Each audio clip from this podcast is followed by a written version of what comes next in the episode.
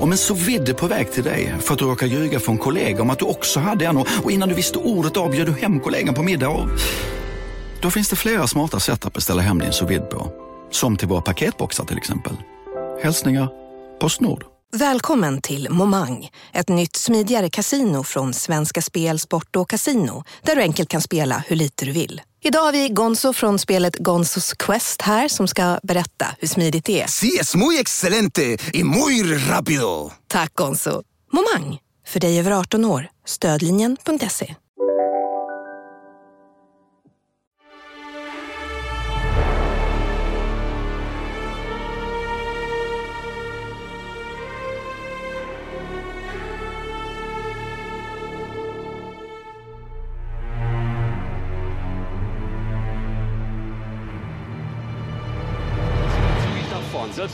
Penzer.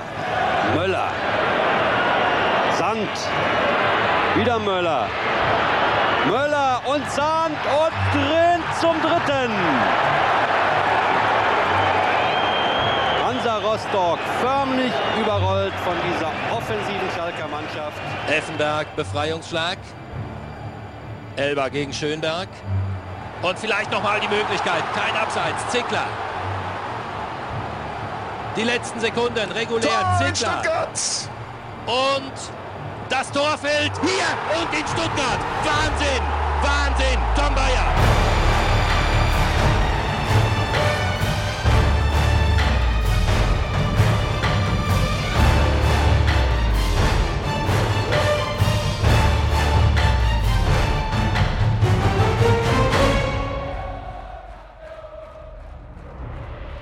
Kärt barn har många namn sägs det och dagens klubb är verkligen ett kärt barn om man tittar på hur många fans de har. Det är Tysklands näst största klubb och därmed en av världens största föreningar. Men det är definitivt inte en av världens största klubbar när det kommer till sportsliga framgångar, vilket namnen vittnar om. Meister de Herzen, folkets mästare, eller ännu värre, Meister de Schmerzen.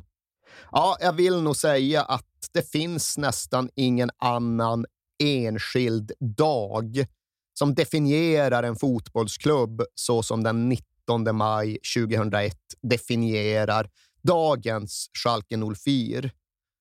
Först några av de allra mest euforiska minuter som en fotbollsarena upplevt och sen en idrottssorg så djup att jag faktiskt undrar om den inte saknar motstycke. Och Schalke 04 blev en annan klubb den där dagen i maj för nästan exakt 20 år sedan. Och de har aldrig kunnat skaka av sig det arvet sedan dess. Och det går en linje, en krokig linje, men lika fullt en linje mellan den dagen och den här våren då en av Tysklands allra största föreningar störtar rätt ner mot andra divisionen.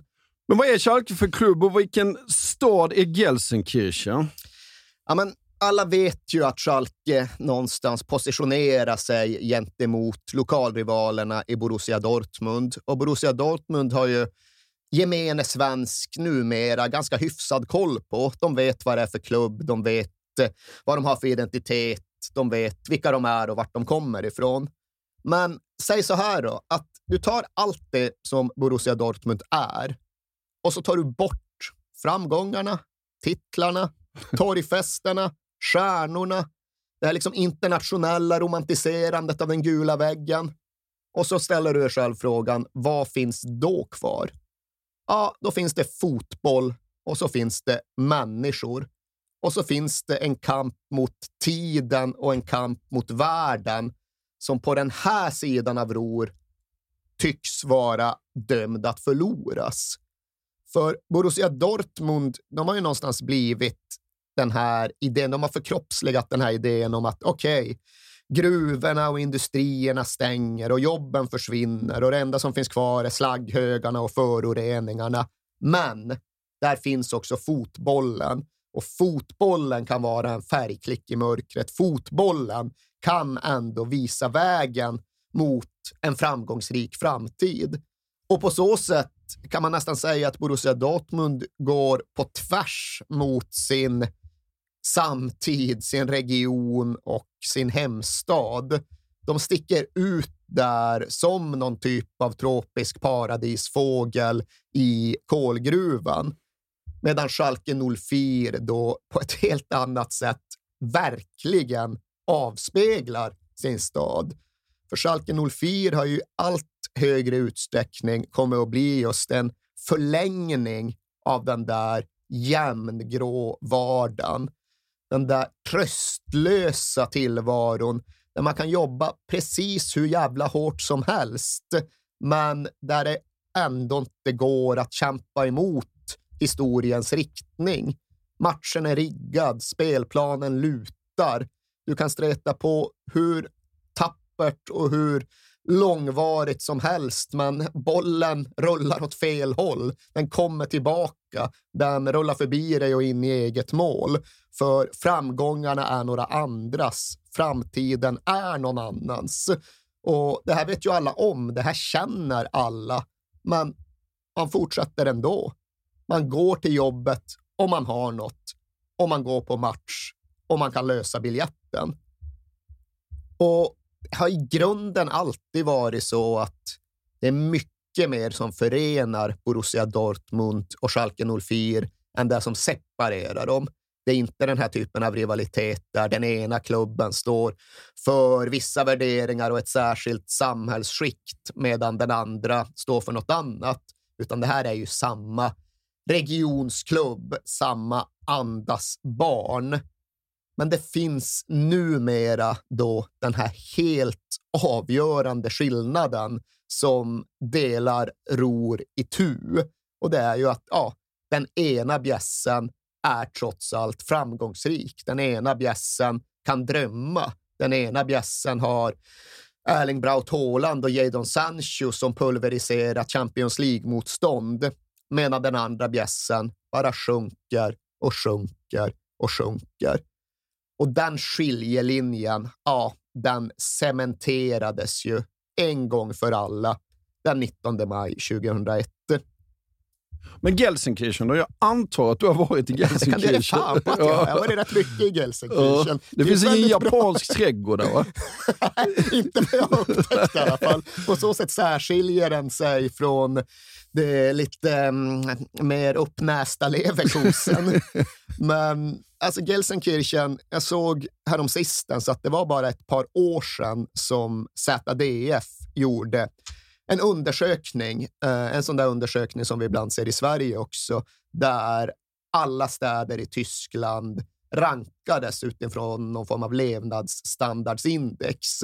Och det här var liksom inte någon som satt och höftade på en kvällstidningsredaktion, utan det var en genomarbetad undersökning baserat på dussintals olika komponenter. Och det var allt ifrån hur barnomsorgen fungerade till hur eh, lokaltrafiken var utbyggd till eh, föroreningsnivån i luften och så vidare och så vidare. Och Tyskland är ett stort land. Det finns många städer i Tyskland, så det var fler än 400 städer som deltog i den här rankingen. 401 stycken närmare bestämt. Var tror du Gelsenkirchen positionerar sig? Ja, jag vågar inte tänka på det. 380? Plats 401. sist. Sist av alla. Och det är vissa mått där som liksom är väldigt lätt att placera in på en sån här typ av rankinglista. Ja, det är klart att det inte är bra för Gelsenkirchen i sammanhanget att arbetslösheten är Tysklands högsta. Mm. Den ligger runt 15 procent. Det är 17 procent ibland och ibland pressar de ner den till 14,1. Men när ZDF gjorde den här rankingen så tror jag det var ganska exakt 15,0 procent. Okej, okay, men de som har jobb då, de eh, lever väl livets glada dagar? Ja, det är ju då så att medelinkomsten, alla invånare inkluderat, ja, men den är också Tysklands lägsta. Den är ju då 16 000 euro om året. Och ja, vad blir det? Det är 150 170 000 ja. kronor någonting beroende på valutakursen. Det är inte den typen av inkomst som man lever gott på i vad som ändå är ett västeuropeiskt land, Nej. vad som är Europas rikaste land på många sätt. Och det medför ju också att Gelsenkirchen har högst andel barn i Tyskland som lever under fattigdomsgränsen så som de definierar den. Och det är ju det mest smärtsamma måttet av alla. 41 procent av barnen i Gelsenkirchen lever under fattigdomsgränsen fy så som den definieras i Tyskland. Och då inser man ju att ja, det är liksom inget skämt. Det är lätt att skrocka åt hur jävla bistert det är i Ror och jag gör mig sannoliken själv skyldig till det ganska ofta. Men det är ju bistert på riktigt. Det är ju en sjunkande stad. Vad får du för känsla när du är Gelsenkirchen?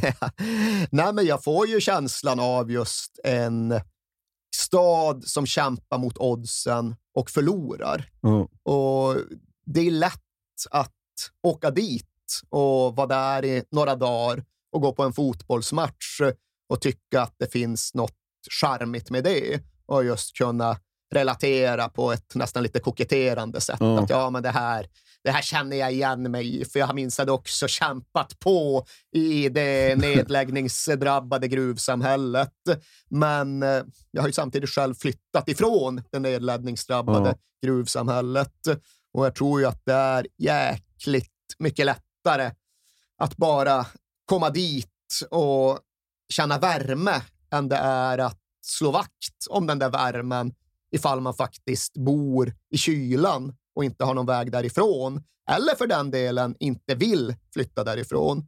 För givetvis ska vi också ha det sagt att eh, folket i Gelsenkirchen, som ofta har bott där i generationer, de är såklart oerhört stolta över sin stad och kanske framför allt över sitt historiska arv. För Gelsenkirchen är ju en stad som på ett väldigt tydligt sätt har bidragit till ja, det tyska välståndet, om vi nu ska prata om ett sådant. För så mycket kol som de skottade upp ur marken där på den tiden som fortfarande kol drev utvecklingen, ja, det är också någonting som mer eller mindre saknar motstycke. För Gelsenkirchen fanns ju inte för 200 år sedan, för Nej. lite drygt 150 år sedan. Det var ju några bönder på en äng i mitten av 1800-talet. Men sen hittade de då kol och sen industrialiserades gruvdriften och för den delen hela samhällssystemet. Och plötsligt så flockades det ju folk till Gelsenkirchen från, jag ska inte säga hela Europa, men från stora delar av det Europa som ligger hyfsat nära Tyskland. Polackerna kom ju i tiotusental och det kom gruvarbetare från norra Frankrike och det blev den där smältdegeln både ovan och under jord. Och staden växte ju explosionsartat från 10 pers och fyra kor i mitten av 1800-talet till 400 000 människor Ja. i mitten av 1950-talet. Och följaktligen då även en fotbollsklubb som grundades 1904 och sen följde med uppåt under den här expansionsfasen. Schalke 04 ja, kom rätt mycket från ingenstans, men blev ju bäst i Tyskland. Kanske till och med bäst i Europa på framför allt 1930 och 1940-talen. Då var de ostoppbara och de utgick från Schalker Kreisels, ett helt eget spelsätt. Kortpassningsspelare. Ja, Ja. Som allt som särskilde sig på den Ja. tiden och som de fortfarande mytologiserar idag. Och hjältarna från den tiden är alltjämt de allra största Schalke-hjältar som finns. Ernst Kutsorra, Fritz Schepan, ja, men gruvarbetarkillar som själva hade varit under jord och sen borstade de koldammet från ansiktena och så gick de upp och så spelade de den bästa fotboll som Tyskland hade skådat på Glück auf Kampfbahn som hemmaarenan hette på den tiden. Och Kampfbahn behöver inte översättas. Det låter bättre på tyska. ja, det gör det. Och Glück auf är då gruvarbetarhälsningen som fortfarande särskiljer vardagen i Ruhr från vardagen i övriga Tyskland. När man liksom säger till någon, ja, men när man säger lycka till till någon i Ruhr, då säger man Glück auf och det säger man inte någon annanstans. Och Glück auf kommer sig av att det var så man sa till gruvarbetarna när de åkte ner i schakten för sina skift. Glück auf, lycka till, hoppas du kommer upp Ja, igen. det. Det gick inte att ta för givet. Nej. Och här ska vi väl bara som hastigast skjuta in att det finns ju något som är lite komplicerat med att Schalke 04s allra mest glansfyllda storhetstid kom under nationalsocialismens årtionden. Det. Och det där är någonting som klubben har behövt hantera och förklara. För det har liksom funnits internationella uppgifter som försökt göra gällande att Adolf Hitler var en Schalke-supporter. Mm. Det var han inte. Det finns i alla fall ingenting dokumenterat som tyder på det, utan det det i någon mån då rörde sig om, det var ju att Schalke var redan så framgångsrika när nationalsocialisterna kom till makten att de sedan försökte slå mynt av det. Ja. Kolla här, här har vi ett fotbollslag som jobbar hårt under jord på dagarna och sen kickar boll bättre än några andra på kvällarna. Vilka nationella föredömen. Det här är våra gubbar. Ja. Och Schalke 04 understödde aldrig den där propagandalinjen. Det var ju något nazisterna bara försökte kapa åt sig och som Schalke då som nu har behövt eh, trycka tillbaka. Ja. Hade Hitler något fotbollslag? Hitler var ingen fotbollsman. Nej, känns som det borde vara München i så fall som borde ligga... Ja, eller något österrikiskt ja. gäng. Han var väl från Salzburg. Jo, men han bodde ju väldigt mycket i München. Vi buntar ihop ja. det här och bara bestämmer oss för att Hitler höll på Red Bull Salzburg. ja. Och ja, vi vet att den klubben inte uppstod förrän 50 år efter hans död. Men vi tycker ändå att det verkar rimligt att det förhöll sig på det sättet. Ja.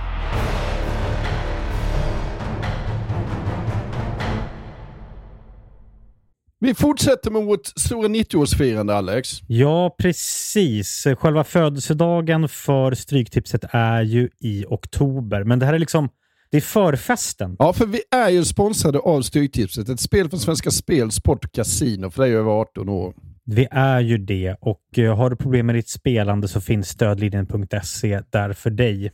Och jag uh, funderar lite så här, undrar hur många som har haft 13 rätt genom de här 90 åren som har eh, förtjänat den här respekttröjan. Liksom. Vi firar ju på vårt speciella sätt med våra kära lyssnare som ja, älskar Stryktipset och har skickat in historier till oss om eh, hur Stryktipset har påverkat dem i 90 minuten. Och fortsätt gärna skicka in de fina historierna till kings at perfectdaymedia.se. Har vi någon historia idag?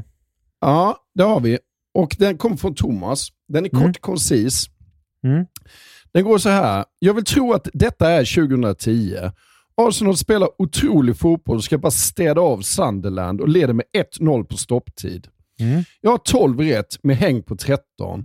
Jag minns som sagt inte vilket år det är, men målskytten glömmer jag aldrig. Darren fucking Bent. Han bombar in 1-1 och 12 blir 11 som sen blir 10 rätt. Styrtipset är verkligen otroligt och otroligt grymt ibland. Tack för en fin podd. Om jag inte har helt fel så har Darren Bent även en historia i Tottenham, va? Det har han, verkligen. Ja. Men det går så... vi inte in på nu. Nej, men det var ju ändå fint att Darren Bent sänker Arsenal för Sunderland. Ja, det får man ändå säga. Men vi säger stort tack till Thomas och vi säger stort tack till våra vänner på Stryktipset. Vi är sponsrade av Ikano Bank och Ikano Bank är ju banken för allt som rör hus, hem och ekonomin däromkring. Och de har ju också en tagline som är Sveriges hemkäraste bank. Är inte det exakt det man är ute efter när man söker efter en bank? En bank med tydliga, bra bolån, privatlån, sparande med schyssta villkor, konkurrenskraftiga räntor, Håkan. Det är väl det enda man bryr sig om i dessa dagar. Ja, och så vidare. så är det faktiskt. Ja. ja. Och de har ju faktiskt rätt att kalla sig Sveriges hemkäraste bank, därför att Ikano Bank startades av grundaren till Ikea. Precis. Om inte det är hemkärt så kan man verkligen fråga sig vad hemkärt det är. Ikano Bank har precis släppt en större rapport som heter Tre dimensioner av rikare boende. Mm -hmm. Där man undersökt och presenterat statistik kring vad svenskarna värdesätter med sitt boende. Och deras första undersökning visar ju någonting ganska häpnadsväckande. Eller hur? Det gör ju det. Kan du, kan du berätta? Ja, den visar ju att trots det höga ränteläget så har mindre än hälften av svenskarna vidtagit någon form av åtgärder det senaste året för att förbättra sin boendeekonomi. Ja, det låter ju inte så bra kanske. Nej, det gör det ju verkligen inte. För att undersökningen genomfördes i augusti och det är bara 45% som har gjort det. Och av dessa har endast 16% av bostadsägarna förhandlat om lägre ränta. Mm -hmm. mm. Många verkar ju ha en uppfattning om att det är jobbigt och krångligt att byta bank, vilket det inte är. Fler borde kolla upp om du kan spara pengar genom att byta bank. Därför uppmanar vi er att ta kontakt med Ikano Bank eller gå in på ikanobank.se för att se om du faktiskt kan få en bättre ränta. Vilket är en no-brainer med tanke på hur ränteläget ser ut, eller hur? Verkligen, så är det ju. Vi säger stort tack till Ikano Bank.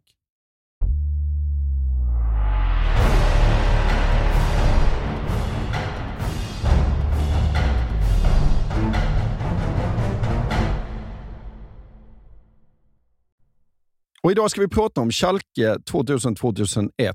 Och hur, hur såg det ut runt klubben då? Det var bistert. Det var bistert då också.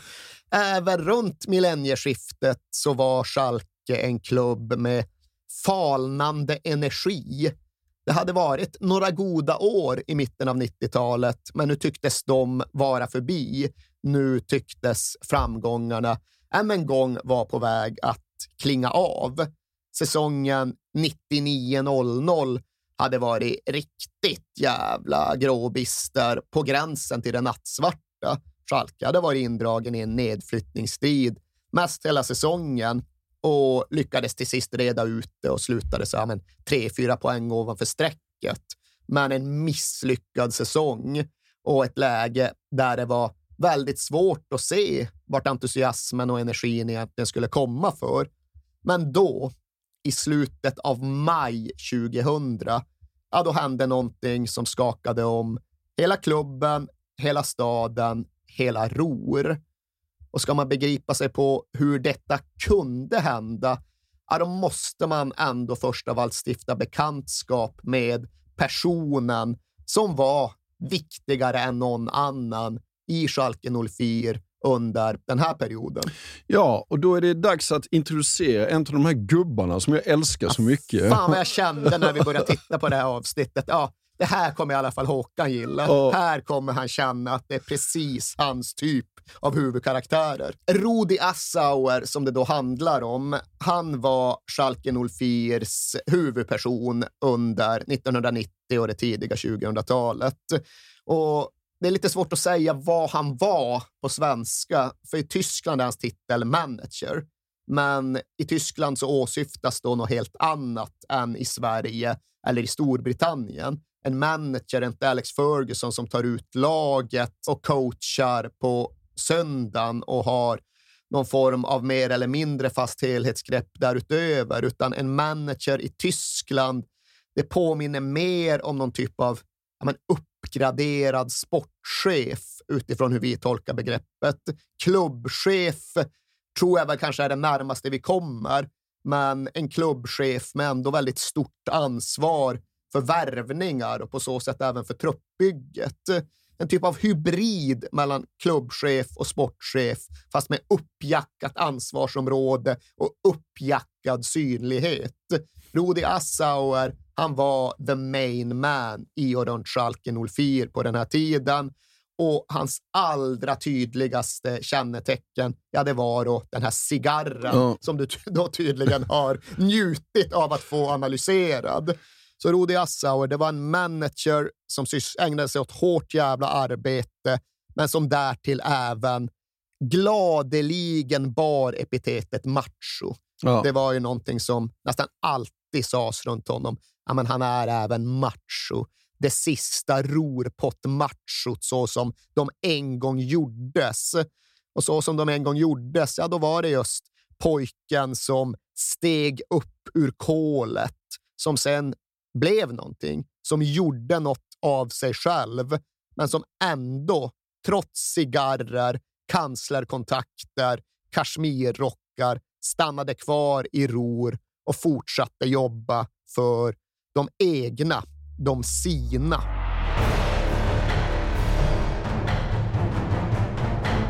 Laget då? Ja, det är väl kanske lite signifikativt att jag tror att det finns en risk att du inte har hört talas om så många av dem heller innan du började titta Nej. på det. Oliver Räck i målet, hur är det relation till honom? Mycket dålig kännedom. Ja. Ja. ja. men en gammal, ärrad uv till målvakt som de hämtade in när Jens Lehmann drog vidare. Jens Lehmann var ju straffhjälten från 97, men ja, han flyttade till andra och större arenor och gjorde sig impopulär på olika sätt vart han än kom.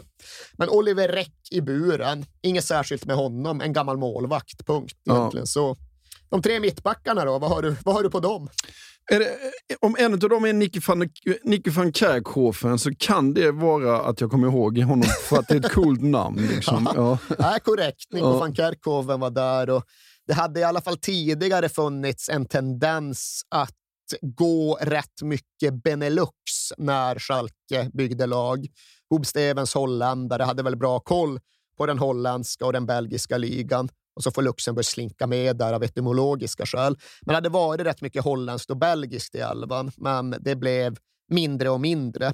Men Nico van Kerkhofen var i den där trebackslinjen. Där fanns kaptenen Thomas Waldoch och där fanns även polacken Tomasz Hajtu. Så du hör ju själv, det är profilstarka namn. Jajamän. Ja. Och som om inte detta vore nog så kan vi ju sen flytta fram till det defensiva mittfältet, tvåmannaskölden som skyddade de tre mittbackarna. Där hittar du till exempel Nils Ode Kamphöjs. Nej. Det är bra namn. Ja, mycket. Okänt. Ja. En Benelux-spelare. Men dessutom Jiri Nemec, Tjeckien, som du ju känner starkt för. Ja, inte så starkt.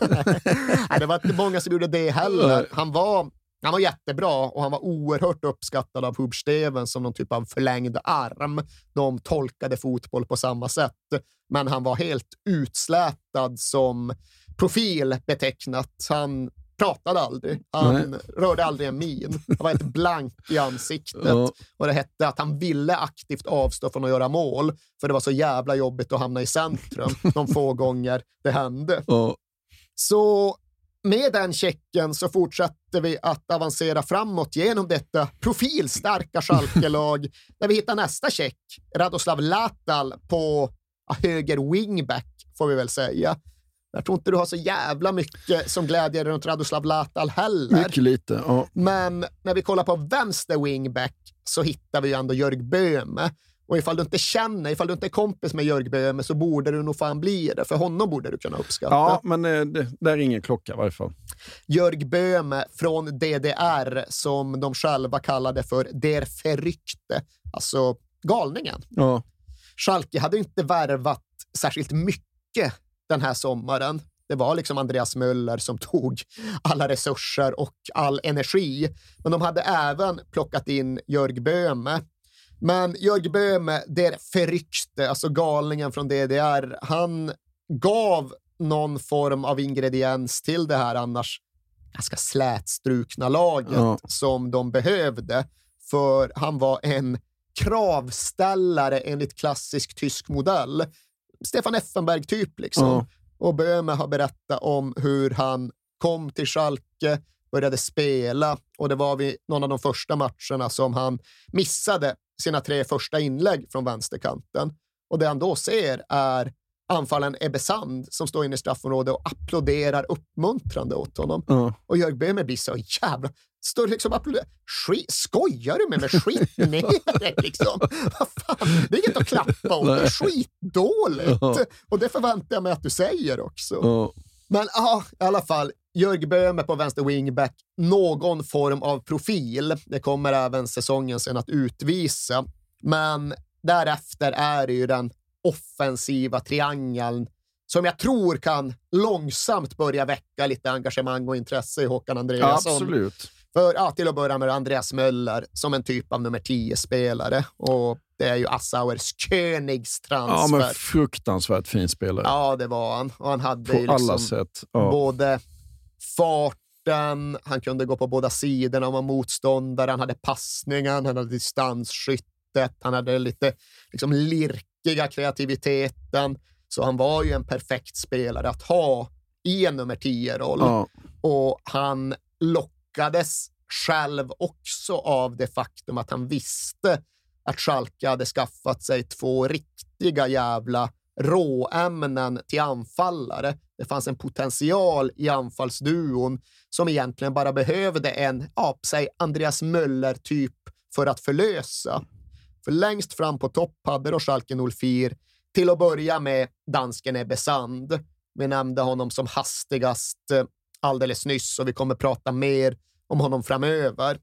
Men han hade varit den stora ljusglimten under Schalkes misslyckade säsong året före. Han hade kommit från Danmark och Bröndby och direkt börjat ösa in mål.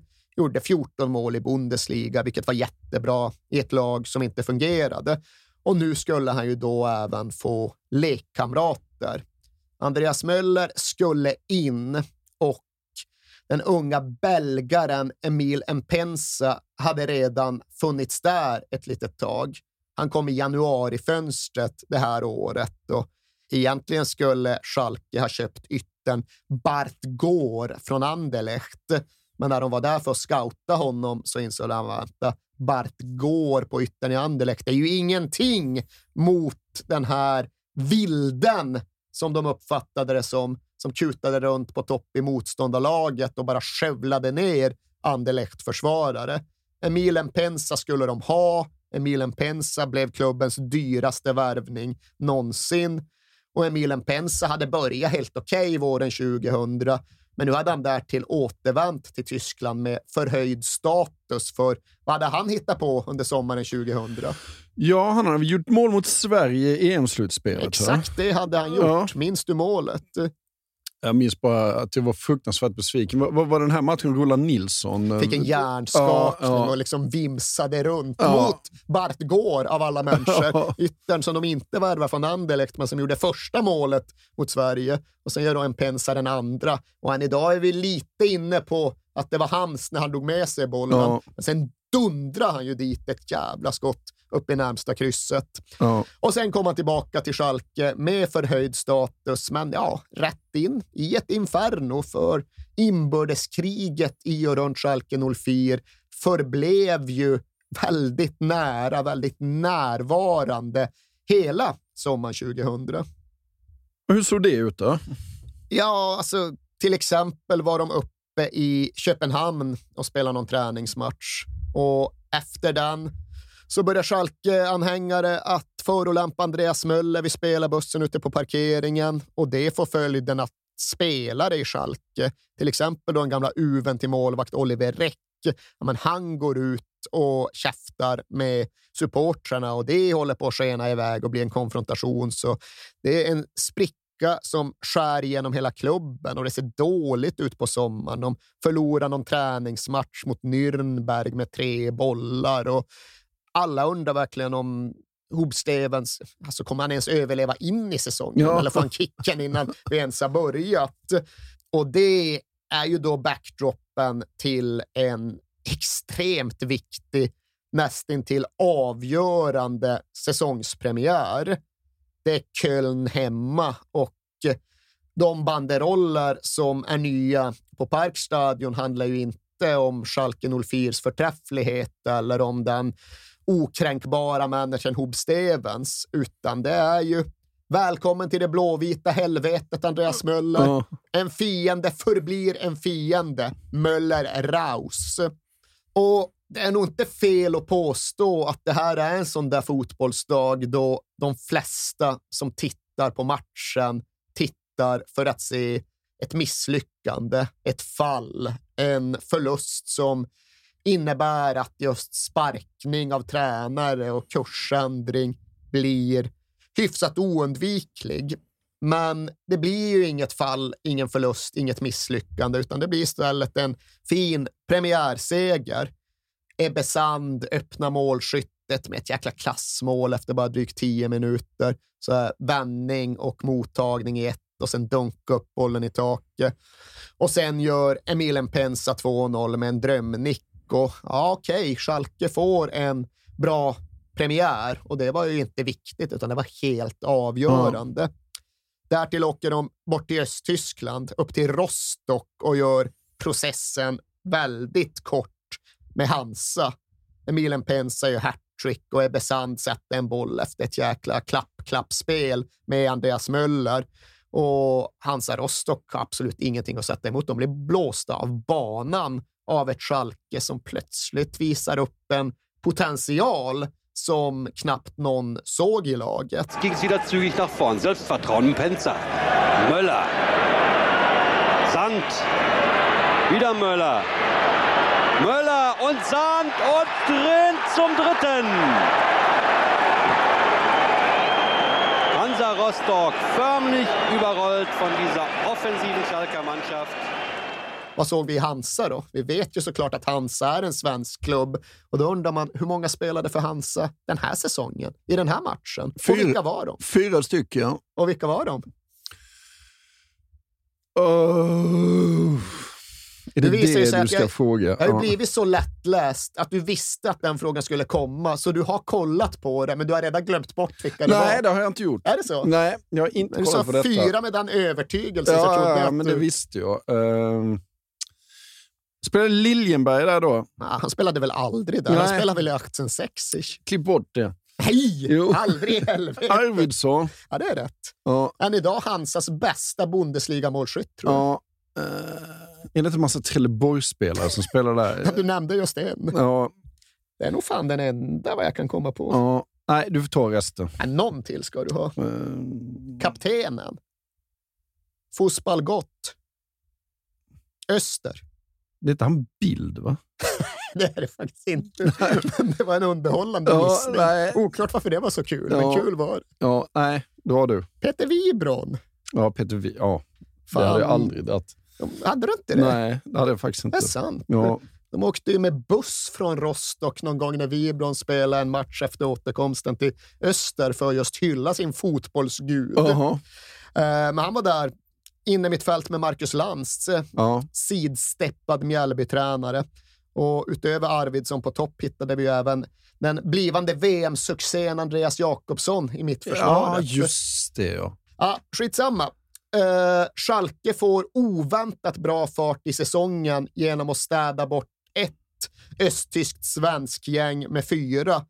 Och därefter är ett nytt östtyskt svensk gäng som får däng när Energi Cottbus kasserar in en tremålsförlust.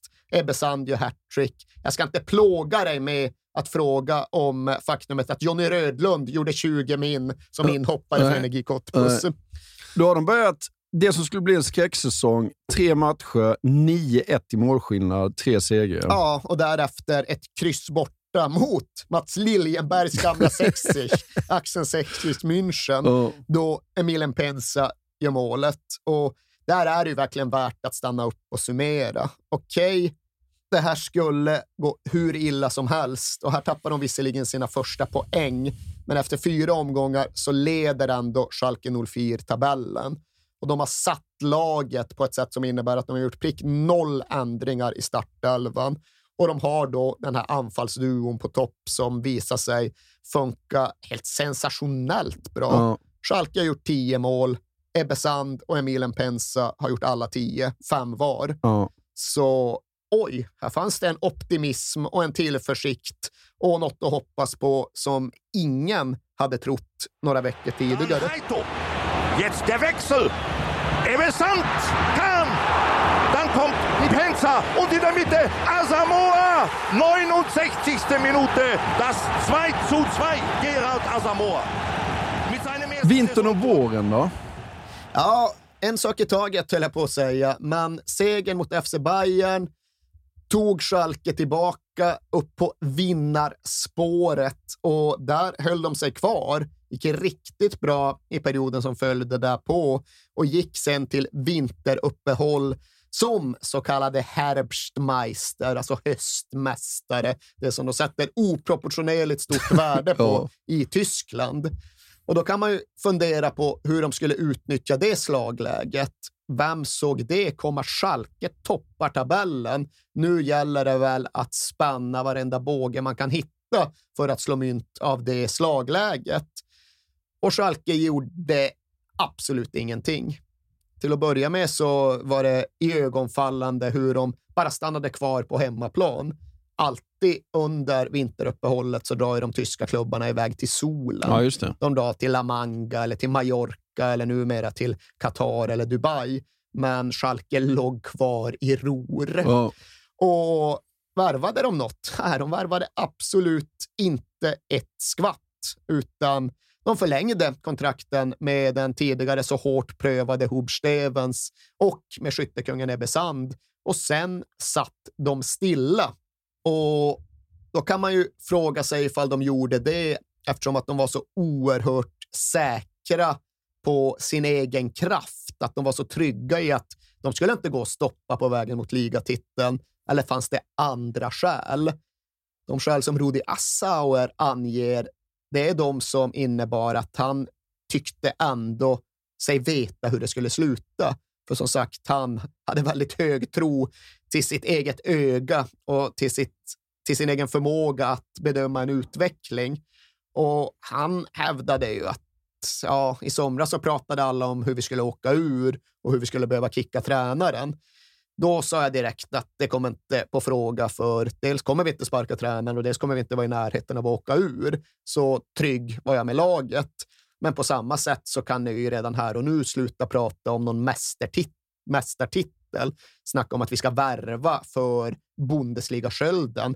Vi kommer inte vara i närheten. Vårt mål är sjätte plats och därmed Uefa Cup.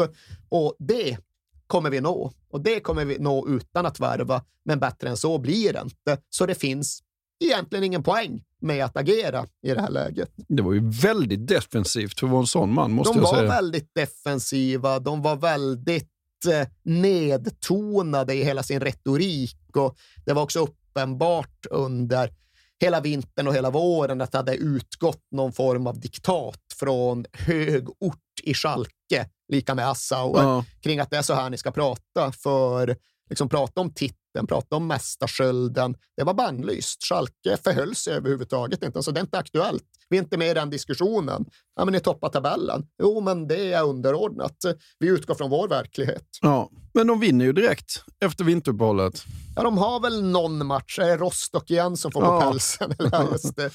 Och sen så är även notabelt att de vinner en cupsemi mot Stuttgart i början av februari. Det är också en sån här liksom bra sammanfattning till match i och med att det gick 18 minuter och sen hade Ebbe Sand, Emilen Pensa och då den nyintroducerade anfallskraften Gerald Asamoah gjort varsitt mål ja. och sett till så att Schalke var klart för cupfinal. Men därefter hade de en period på fyra ligamatcher som totalt gav ett mål i någon bur. Det blev 0-0, 0-0, 1-0, 0-0. Och det innebar att vi egentligen är framme i april innan det verkligen blir liksom fart och nerv och skarpt läge i den här säsongen igen. Och då varvar Schalke upp. Då laddar Schalke ur. Då åker de till Leverkusen och vinner med 3-0. Då gör de 5-1 hemma mot Kaiserslautern. Och det medför då att då det är dags att åka till München, då det är dags att spela retur mot FC Bayern, då är det faktiskt så att det är tvåan i tabellen, Schalke 04, som kommer till serieledarna i FC Bayern. Då är det en typ av tidig seriefinal. Men de slår Bayern och nu börjar det väl lukta lite mer guld här va? Ja, nu är det ju ena handen på skölden, för det är bara fyra omgångar kvar och Schalke 04 toppar tabellen. Vinner de alla matcher så är de mästare. Det går liksom inte att komma ifrån. Så det är klart att det börjar lukta ädelmetall i Gelsenkirchen på ett sätt som det är inte gjort på fyra årtionden. Och den lukten avtar ju inte direkt när Schalke besegrar toppkonkurrenten Hertha Berlin med 3-1 i nästa match. Det är också en episk match. De ligger under tidigt och det är trots att Oliver Räck gjort en sån jäkla dubbelräddning på en straff. Men sen vänder de i andra halvlek och den gången är främst Jörg Böhmes vänster som talar. Har du sett det frisparksmålet? Ja, ja, ja. ja, det är en ja. jäkla bomb. Ja. Sen prickar han skallen på Van Höjgbamen på någon hörna. Och, ja, de vänder, de vinner. Det är tre omgångar kvar. Det är serieledning och här släpper spelarna tabut. Här börjar de faktiskt prata om att ja, det är klart att vi tänker på att vinna titeln när tabellen ser ut som den gör. Ja. Men Rudi Assauer vägrar fortfarande. Ja. Nej, nej, nej, det blir ingenting. Nej. Liksom. Det är inte aktuellt. Vi spelar för andra målsättningar. Titeln, nej, det blir Bayern till slut. Det är liksom inget vi behöver förhålla sig till. Men med tre omgångar kvar, ja, det är serieledning och det är en aptitlig match som väntar. Det är Bochum borta. Men var det någonting som höll Schalke tillbaka den här säsongen så var det Schalkes angst för den kleinen. Alltså Schalkes skräck inför, Schalkes problem med de små lagen.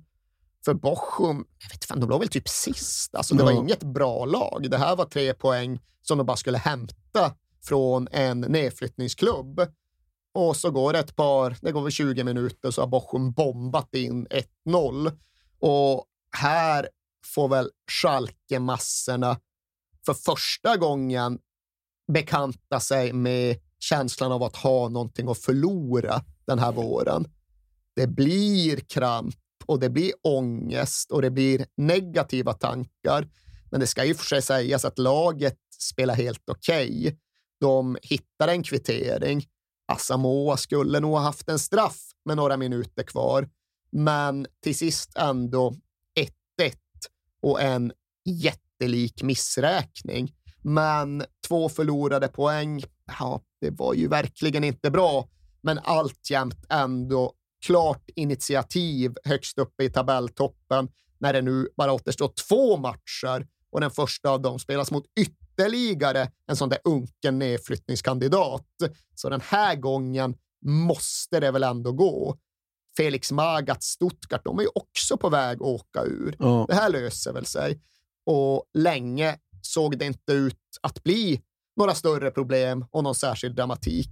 Schalke gjorde ju för sig en väl passiv insats där det framstod som att de liksom någonstans låg och bevakade FC Bayerns resultat. Så länge inte Bayern vann så behövde inte Schalke heller göra det. Så länge det stod kryss i Bayerns match, då var Schalke helt okej okay med att spela kryss själva, för då hade de kvar serieledningen. Så så var den här matchdagen. Det var bara en enda lång väntan ett enda långt kontrollerande, ett enda långt avspelande. Och det går verkligen att ifrågasätta den strategin. Jag vet ju för inte om det var en strategi eller om det bara blev så omedvetet, men in i slutminuterna så var det ju fortfarande okej. Okay. För det stod 0-0 i Stuttgart och det stod kryss i FC Bayerns match och Schalke hade på så sätt kvar greppet om mästarskölden in i sista omgången. Men det är ju här, på stopptid i den näst sista omgången, som ja, det kanske största fotbollstraumat jag överhuvudtaget känner till tar sin början. För redan här är då upplösningen ja, men helt otrolig, helt sanslös. För vi är inne, alltså det är stopptid när det är en rörig situation utanför Schalkes straffområde. Det är duell på duell, motlägg på motlägg och till sist rullar bollen fram till Stuttgarts eh, bulgar Krasimir Balakov, som slungar in ett distansskott. Och det var katastrofalt, men smällen tog inte slut där, utan smällen pågick i sju sekunder sju dödssekunder som de fortfarande pratar om i och runt Gelsenkirchen. För det räcker liksom att följa tv-sändningarna från de här matcherna i efterhand för att inse hur total scenförändringen blir på de här sju ynka sekunderna. Från FC Bayerns match mot Kaiserslautern så uppstår en typ av realtidsförvirring som är väldigt talande. Eh, inte många sekunder kvar. Nyinbytte Andreas Sickler tar bollen på vänsterkanten, skär in i straffområdet och plötsligt bryter det liksom in en röst i referatet från den sekvensen. Torin Stuttgart! Och sen väntar skott blockeras av Sickler. Sickler slungar in en volley på retur och så nej, nej, nej, det är här målet görs. Det är ingen mål. Jo, men det är mål i Stuttgart också. Va? Mål? Ja, och det är då mål på båda arenorna precis samtidigt och båda målen faller för FC Bayern mot Schalke 04 och på sju ynka sekunder så har titeln mästarskölden tagits ifrån Schalke. Här förlorar de titeln. Det går inte att se det på något annat sätt och det är inte heller någon som uppfattar det annorlunda. Effenberg, Befreiungsschlag. Elba gegen Schönberg. Und vielleicht nochmal die Möglichkeit. Kein Abseits. Zickler. Die letzten Sekunden. Regulär. Zickler. Und das Tor fällt hier und in Stuttgart. Wahnsinn. Wahnsinn. Tom Bayer. TV-bilderna som följer på slutsignalerna ja, de visar ju hur liksom, de blåklädda i Stuttgart står där och gråter på läktaren för det här var chansen. Det här var greppet om bucklan och när det nu har släppts så kommer det såklart aldrig komma tillbaka. För nu är det Bayern som har serieledningen. Nu räcker det för dem att ta poäng i sin sista match och det är klart att de kommer göra det. Så här är det slut. Här är det över. Här har titeln på sju sekunder förvandlats till ett gigantiskt misslyckande som Schalke då behöver hantera och kommentera.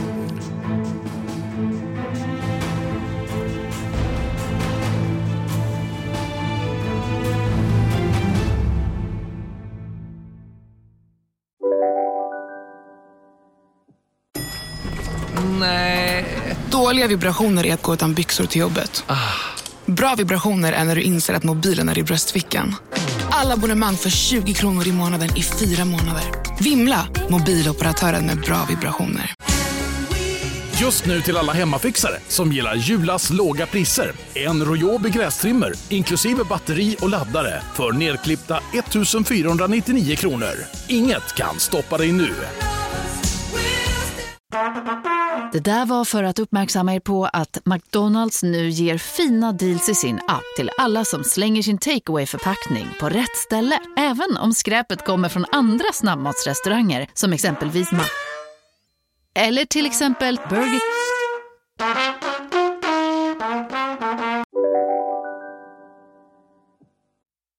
Nu är vi framme vid lördagen den 19 maj 2001. Eh, Schalke har Unterhaching hemma eh, på Parkstadion. Mm, och vi känner ju Unterhaching för att de fuckade upp Bayer Leverkusens titeldröm ett år. Ja, just vi det. bara in ja, just det. Ja.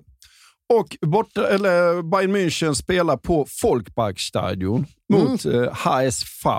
Precis. Ja. Ja, och vi kan väl mest bara snabbspola oss igenom 90 minuter, för även om det hände väldigt mycket så var det inte särskilt dramatiskt. Vi kan notera att redan före domarvisslan så blir avsparken i Hamburg försenad. Varför blir den det?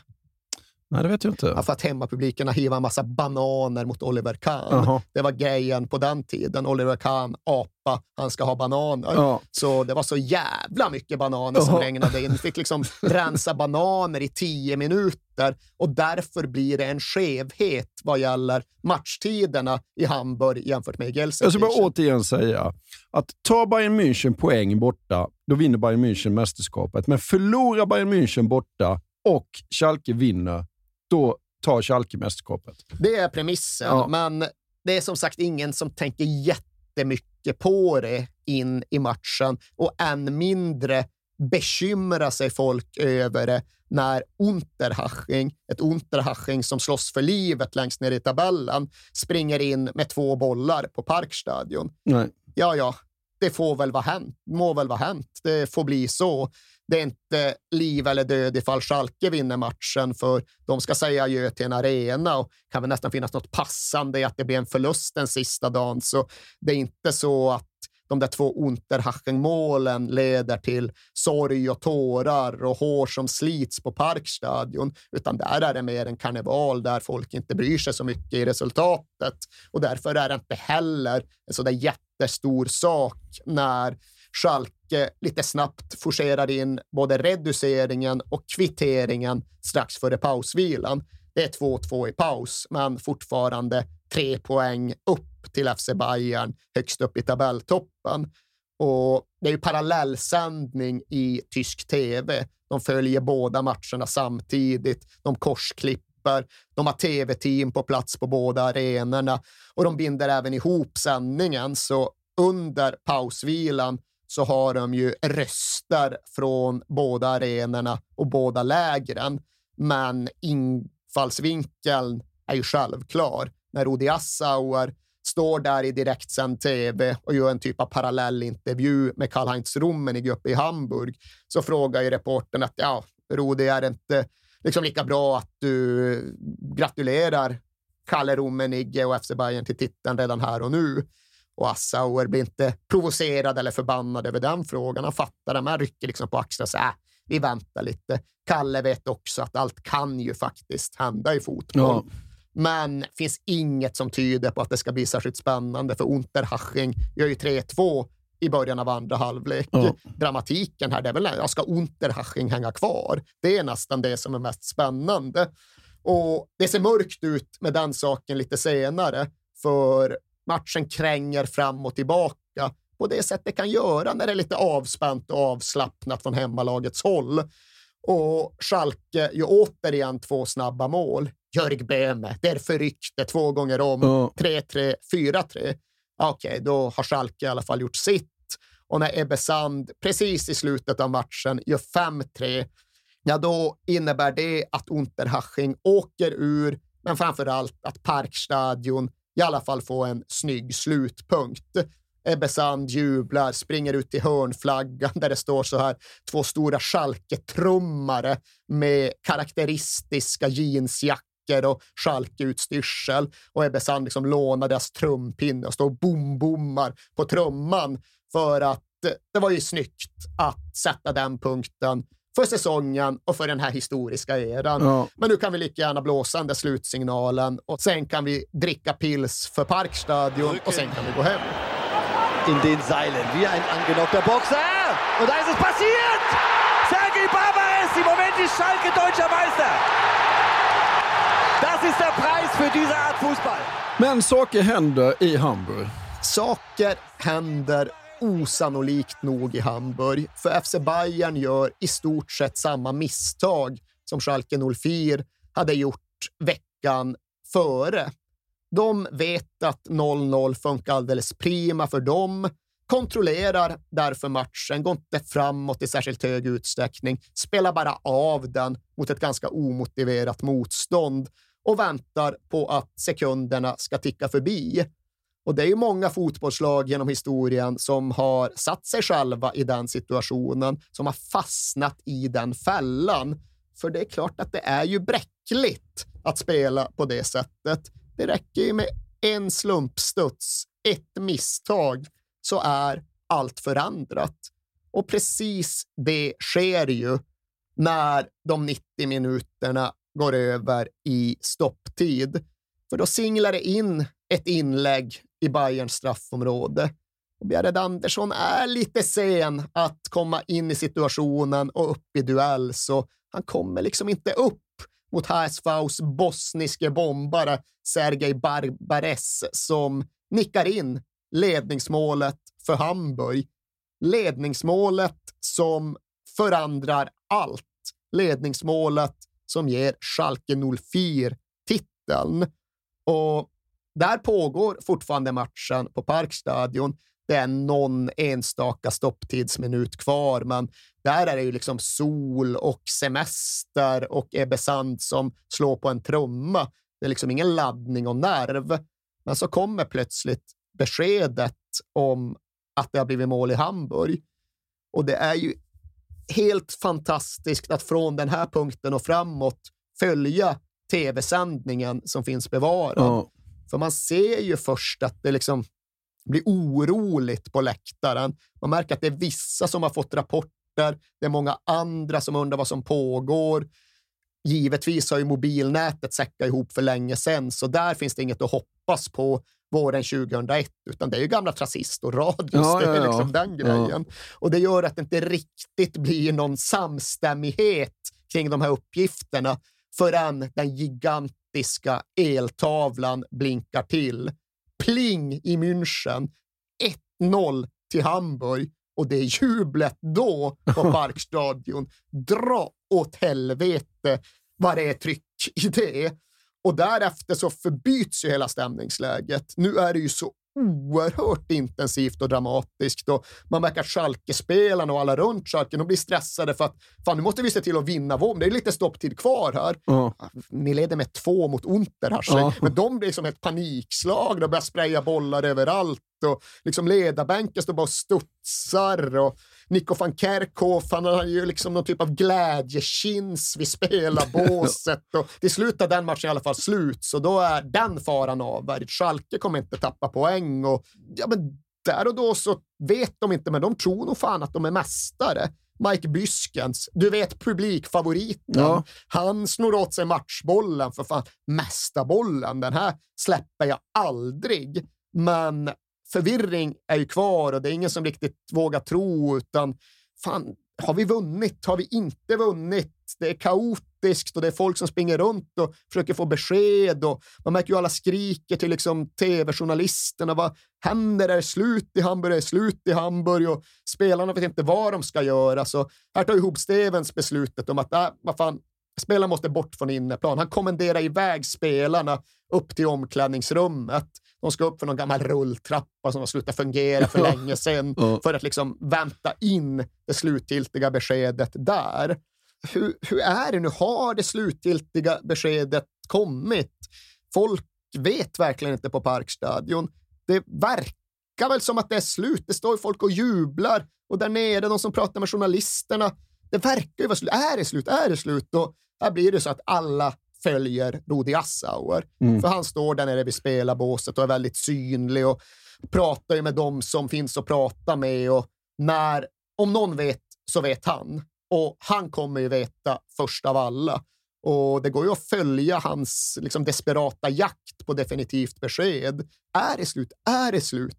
Han frågar han, han frågar nästa journalist, han frågar den personen.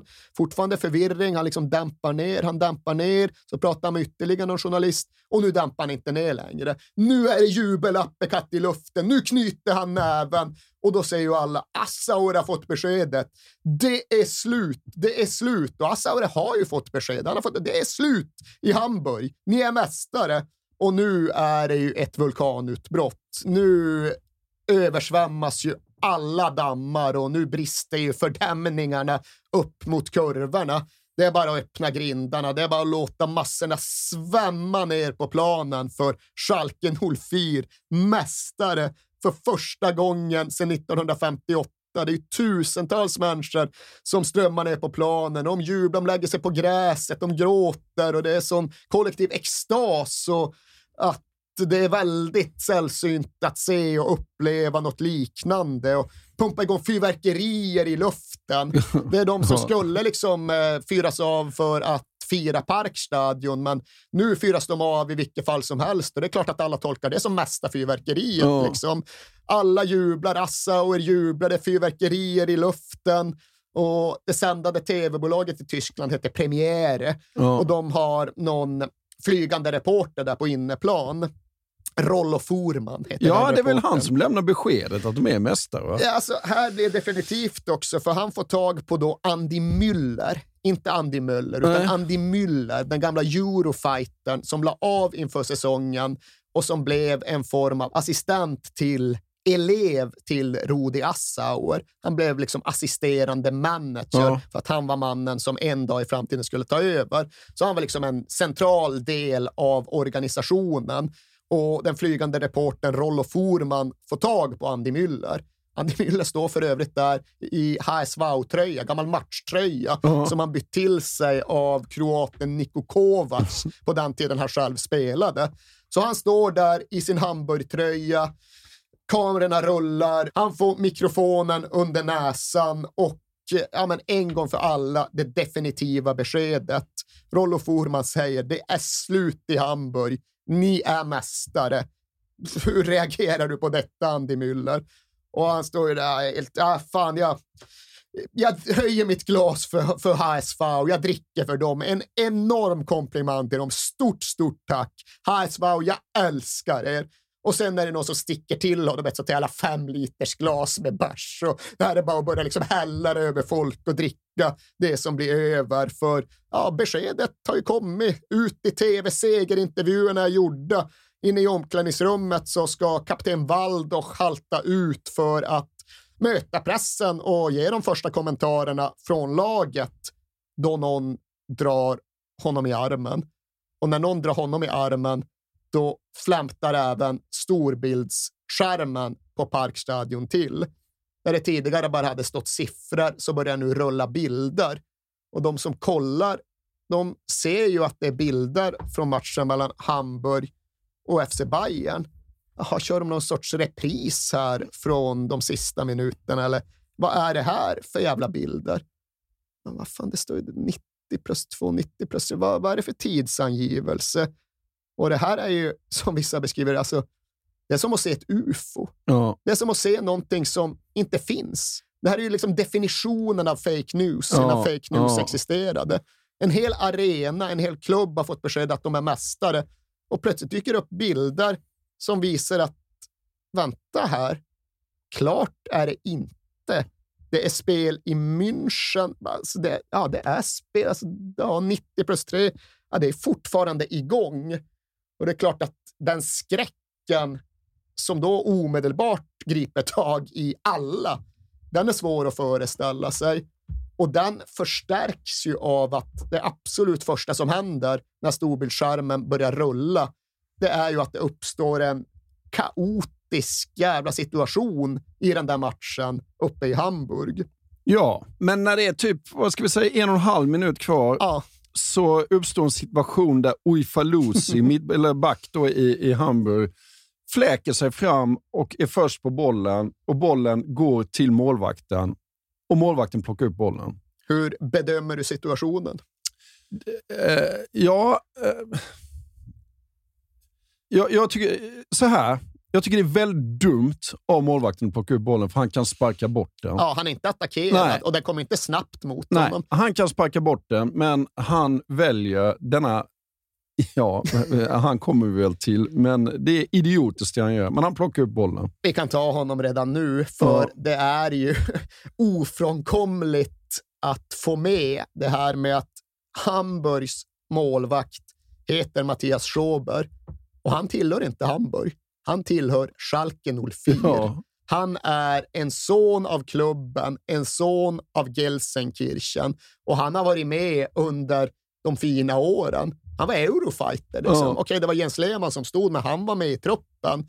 Men sen blev det svårt med speltid och han var tvingad att lämna sitt älskade Schalke lite tillfälligt för att få speltid någon annanstans. Sen hade han inte fått så mycket speltid i Hamburg. Det var typ tredje framträdandet eller någonting. Men det är i alla fall den målvakten, Schalkes egen målvakt, som tar beslutet att snarare än att bara toffla bort bollen så lägger han sig på den, plockar upp den och lägger sig på den. För han uppfattade det inte som en bakåtpassning. Då tycker han att det är väl bara att ta den här, ligga kvar lite extra länge, sen slå en utspark och sen är matchen slut. Ja. Men domaren, doktor Marcus Merck, han uppfattar ju då detta annorlunda. Han uppfattar detta som en avsiktlig bakåtpassning och blåser indirekt frispark. Ja.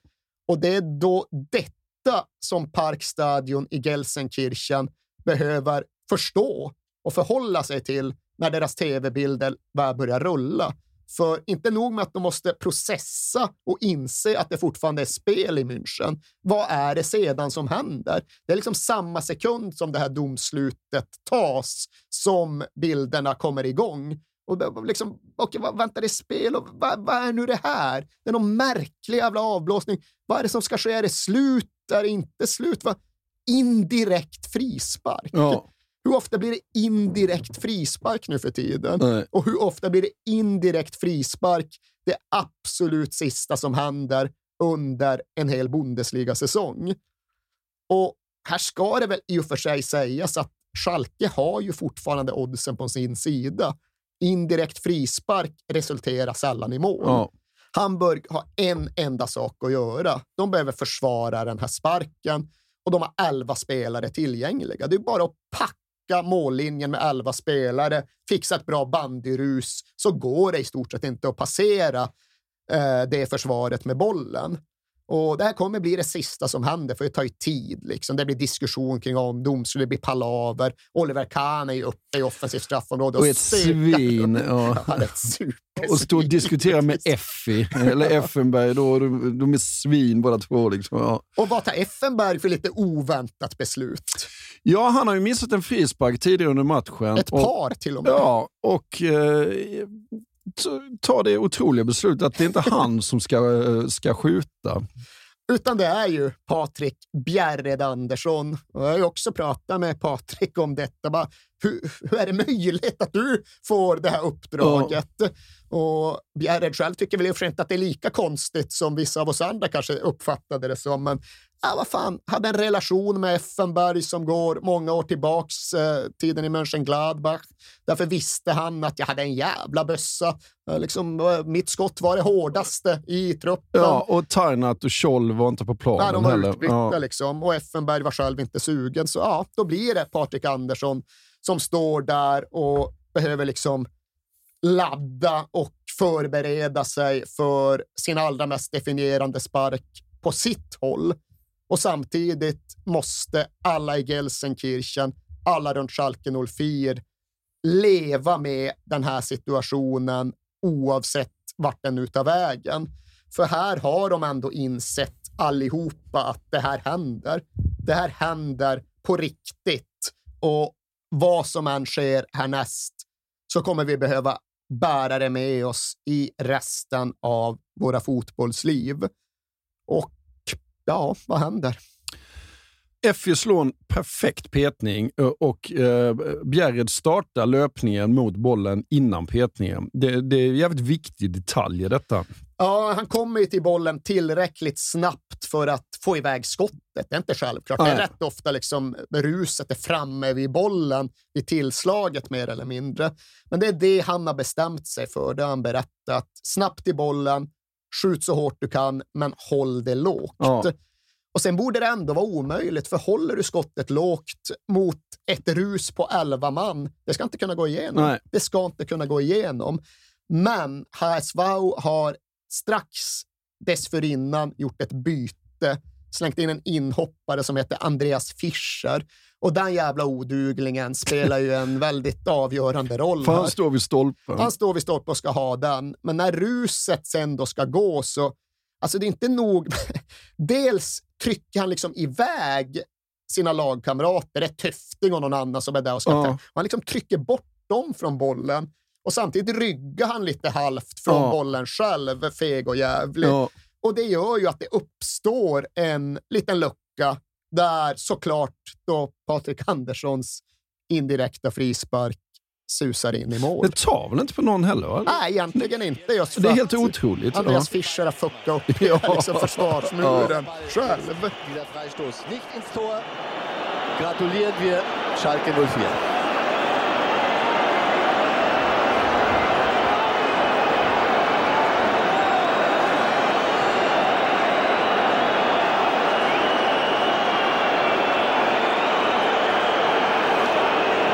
Meter vor der Linie nach meiner Berechnung. Elfmeterpunkt. Der Ball ist so etwa 10, 19 Meter. Ja, 10 Meter entfernt. So, also. Elfenberg und Andersson. Andersson, Tor! Der FC Bayern ist Meister! Ich fasse es nicht. Alle auf dem Platz. Und bei Hitzfeld jetzt auch auf dem Platz. Ebbe Sand har i efterhand beskrivit det som att ja, men, när du inte längre vill vara, när du inte längre kan vara kvar i din egen kropp, men inte heller kan komma ur den. Ungefär så kändes det. Mm. Och i den här parallellklippta tv-sändningen så är det ju då en kommentator som har ansvar för Gelsenkirchen jag noterar vad den kommentatorn heter. Nej. Det är inte ett förhör, men han heter Fritz von Thurn und Taxis. Uh -huh. fan, det är någon gycklare som har tagit något konstigt artistnamn. Vadå Taxis liksom? Det är ett tyskt adelsnamn. Och han heter inte bara Fritz von Thurn und Taxis, utan hans fullständiga namn är Friedrich Leonard Ignatius Josef Maria Lamoral Baltasar Torn und Taxis. Ja, jag ber om ursäkt jag inte kunde det. Ja, han får i alla fall ansvaret för att försöka förmedla händelseförloppet från Gelsenkirchen. Och när Bjärredsbål går in, han bara säger "Ah, för guds skull, för guds skull några gånger. Och sen hans nästa instinktiva kommentar. Hoppas ingen här inne gör något mot sig själv nu. Ja.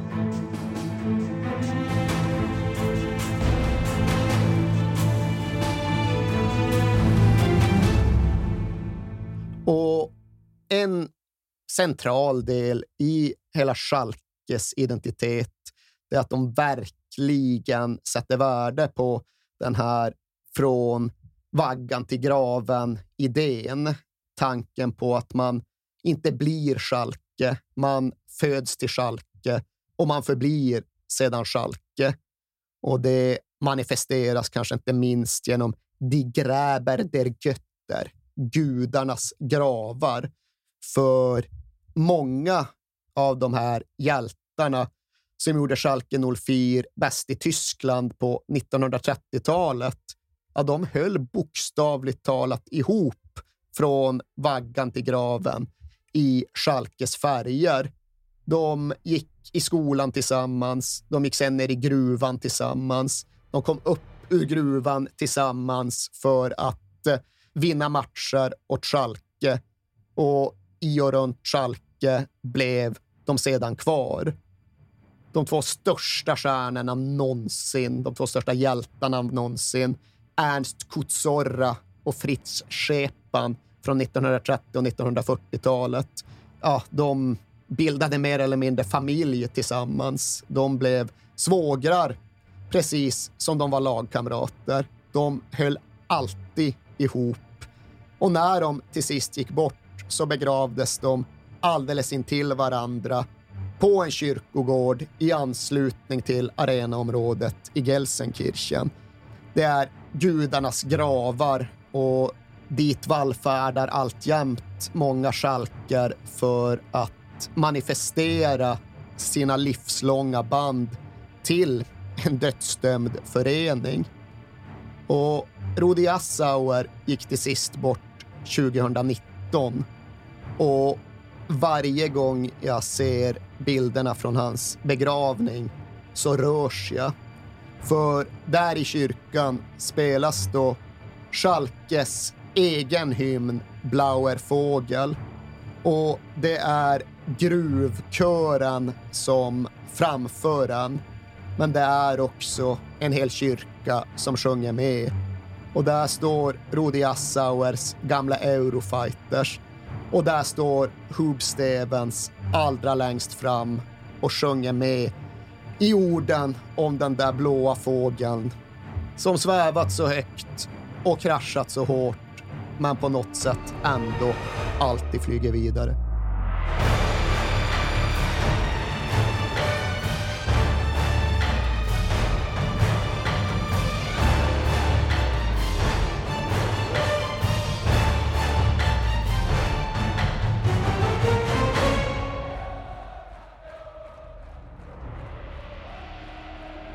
Du har hört When We Were Kings om Schalke 04 2000-2001. Fortsätt gärna mejla oss på kings@perfectdaymedia.se och följ oss hemskt gärna på Instagram på VVK podcast. Och imorgon, Erik, så släpps en tröja. Ja, det är klart det gör. Precis som det gör i anslutning till varje avsnitt. Så vill ni bära gruvhamrarna som ett kors, ja, då plockar ni upp en Schalke 04-tröja knutet till säsongen 2000-2001 från www.kmerch.se. Stort tack för den här veckan. Vi hörs nästa vecka. Hej då! Den här podcasten är producerad av Perfect Day Media.